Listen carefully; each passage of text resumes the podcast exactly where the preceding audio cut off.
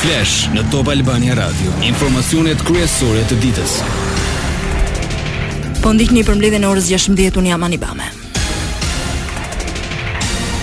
Mbyllen hetimet për Gërdecin, Fatmir Mediu akuzohet nga SPAK për shpërdorim detyre, ish-ministri i Mbrojtjes u paraqit në mjediset e Prokurorisë së Posaçme dhe duke folur për gazetarët në dalje u shpreh se akuza është politike ndërsa theksoi se nuk ka një akuzë shtesë. Prezantuar e njëjti fashikull me të njëjtët prokurorë, e njëjta akuzë. Pra akuza e prokurorëve në dy mijë e nëntë, një akuzë që ishte tërësisht e motivuar politikisht është paraqitur dhe sot pa shtuar asnjë dokument dhe asnjë provë shtesë. Shpërdorimi i detyrës, domethënë, por po jua them edhe një herë, kam kërkuar që në fillim që të pyetem, nuk jam pyetur asnjëherë për këtë çështje, pesëmbëdhjetë vjet, shpresoj që domethënë të ketë paktën mundësi që të pyetem për aktet që unë kam firmosur.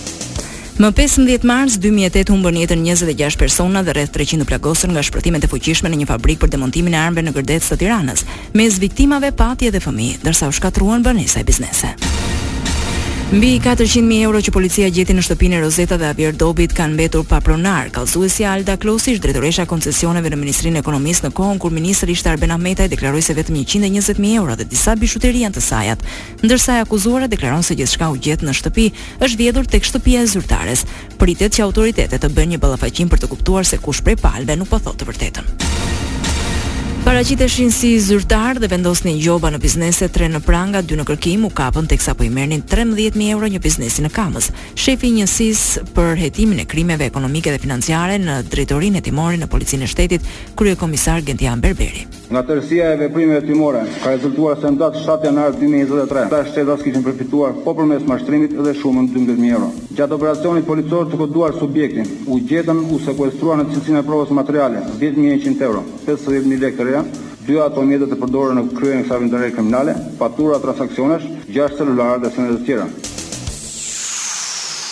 Lajmet në internet në adresën www.topalbaniaradio.com.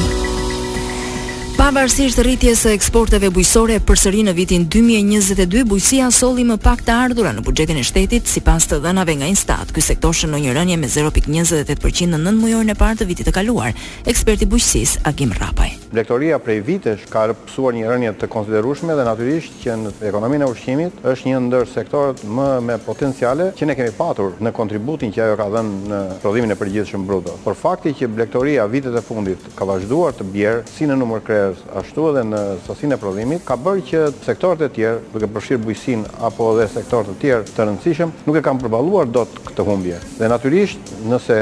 Kjo humbje do të vijojë patjetër që ekonomia e ushqimit në tërësi dhe bujqësia në veçanti nuk do e përballojnë dot. Fajin se përse blegtorët po braktisin stallat me gjë të gjallë e ka Ministria e Bujqësisë e cila dy dekadat e fundit harroi të mbështesë fermerët që mbarështojnë bagëti. Duhet kaluar nga subvencionimi për krerë në këto situata që ne kemi tek subvencionimi për njësi prodhimi, domethënë subvencionimi për litër qumësht sipas cilësisë. Nëse nuk do të bëhet kjo, ne do e kemi shumë të vështirë të frenojmë rënien. Vitin e kaluar çmimet e banesave u rritën me ritme tre herë më të larta se mesatarja historike. Sipas Bankës së Shqipërisë, në tremujorin e tretë dy mijë e njëzet e dy, indeksi i tyre rezulton me rritje vjetore shtatëmbëdhjetë pikë gjashtë për qind.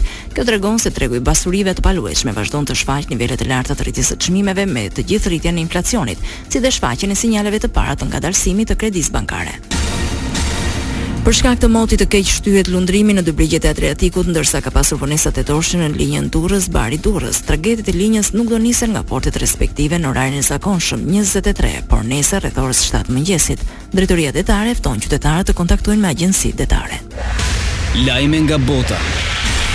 Shtëpia e Bardhë pranon se vjeshtën e kaluar avokatët e presidentit Biden gjetën një numër të vogël të dokumenteve të klasifikuara në ish-zyrën e tij në një institut kërkimor në Washington. Kjo nxiti një hetim të Departamentit të Drejtësisë që mund të synojë të përcaktojë nëse duhet emëruar një këshilltar i posaçëm si ai që heton keqpërdorimet e pretenduara të dokumenteve nga ish-presidenti Donald Trump. Shtëpia e Bardhë konfirmoi se u hap një hetim dhe shtoi se do të bashkëpunojë me Departamentin e Drejtësisë dhe dokumentet i janë dorëzuar Administratës së Arkivave Kombëtare, agjenci që merret me të dhënat presidenciale. U gjetën afro dhjetë dokumenta, tha një person i cituar nga Washington Post. Në Kongresin amerikan, Dhoma e Përfaqësuesve me shumicë republikane miratoi një paketë rregullash të brendshme që ligjvënësve të djathtë të linjës së ashpër u japin më shumë ndikim ndaj kryetarit republikan të sapozgjedhur, Kevin McCarthy. Ligji kaloi me dyqind e njëzet vota pro dhe dyqind e trembëdhjetë kundër, me argumentin se ishte plot me lëshime ndaj krahut të djathtë të Partisë Republikane. Demokratët e kundërshtuan dhe po kështu një republikan. Gjatë natës, ushtria ukrainase kreu sulme ajrore ndaj pozicioneve të paspecifikuara ruse, ndërsa vazhduan luftimet e ashpra në Soledar, Në këtë qytet, forcat ruse kanë shënuar përparime taktike në katër ditët e fundit. Ushtria ruse po kryen ofensiva në drejtim të disa qyteteve në rajonin lindor të Donjeckut, si në Bahmut, Avdid dhe Liman. Po ashtu Moska po tenton të përmirësojë pozicionin e saj taktik në drejtim të Kupjanit. Sekretari i Përgjithshëm i NATO-s Jens Stoltenberg nënshkroi deklaratën e përbashkët për bashkëpunim strategjik me Bashkimin Evropian. Dokumenti synon ngritjen në një nivel më të lartë të raporteve të këtyre institucioneve, Firmat u hodhën nga kreu i Këshillit Evropian Charles Michel dhe presidentja e Komisionit Evropian Ursula von der Leyen. OKB e konfirmon vrima e ozonit dikur rreziku mjedisor më i frikshëm për njerëzimin në pjesën më të madhe të botës pritet të zhduket plotësisht brenda dy dekadave. Kjo falë veprimeve vendimtare të shumë qeverive për të hequr gradualisht substancat shkatërruese, OKB-ja thotë se veprimi i ndërmarrë në shtresën e ozonit ka qenë gjithashtu një armë kundër krizës klimatike. Parashikimi i motit. Edhe në vijim vendi ynë do ndikohet nga kushte të paqëndrueshme meteorologjike me vranësira e reshje shiu, sa i përket temperaturave luhaten nga 0 në 14 gradë Celsius. Në relievet malore bie dëborë. Këtu kemi përfunduar mirudëgjofshim në edicionin e orës 17. Kjo është Top Albania